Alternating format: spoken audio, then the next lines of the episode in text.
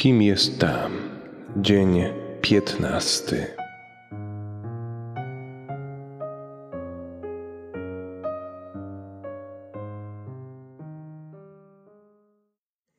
Nasze poznawanie, kim jest tam, powoli się wypełnia.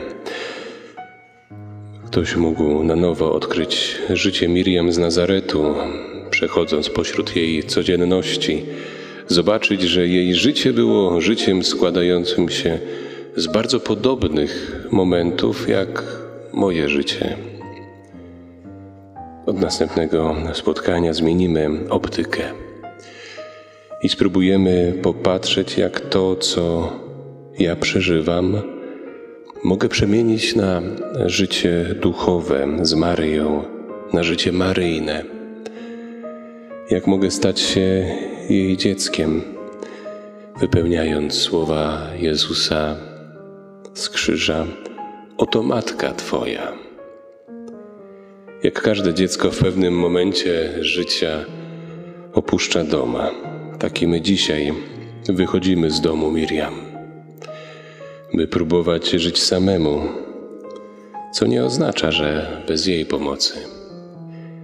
Niczym nowe pąki na drzewie, zrodzone z miłości matki, spróbujemy rozwinąć się w jej życiu dla mojego życia. Ten proces opuszczania domu rozpoczniemy słowami ojca Gabriela Jacqui z książki Życie Maryjne. Odwieczną kryjówką słowa jest łono Ojca, lecz wyszło ono z niego jak promień, ażeby oddać się stworzeniom.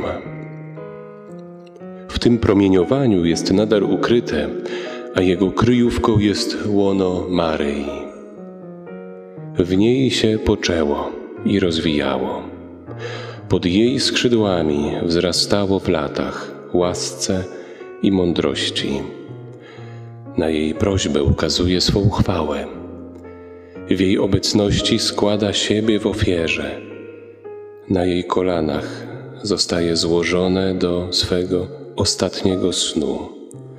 Z nią dzieli się radością swego zmartwychwstania. Ona najpełniej uczestniczy w chwale Jego w niebo wstąpienia. Jej też na koniec posyła swego ducha. A żeby spotkać umiłowanego, trzeba się wyzuć ze wszystkiego i znaleźć się w Maryi.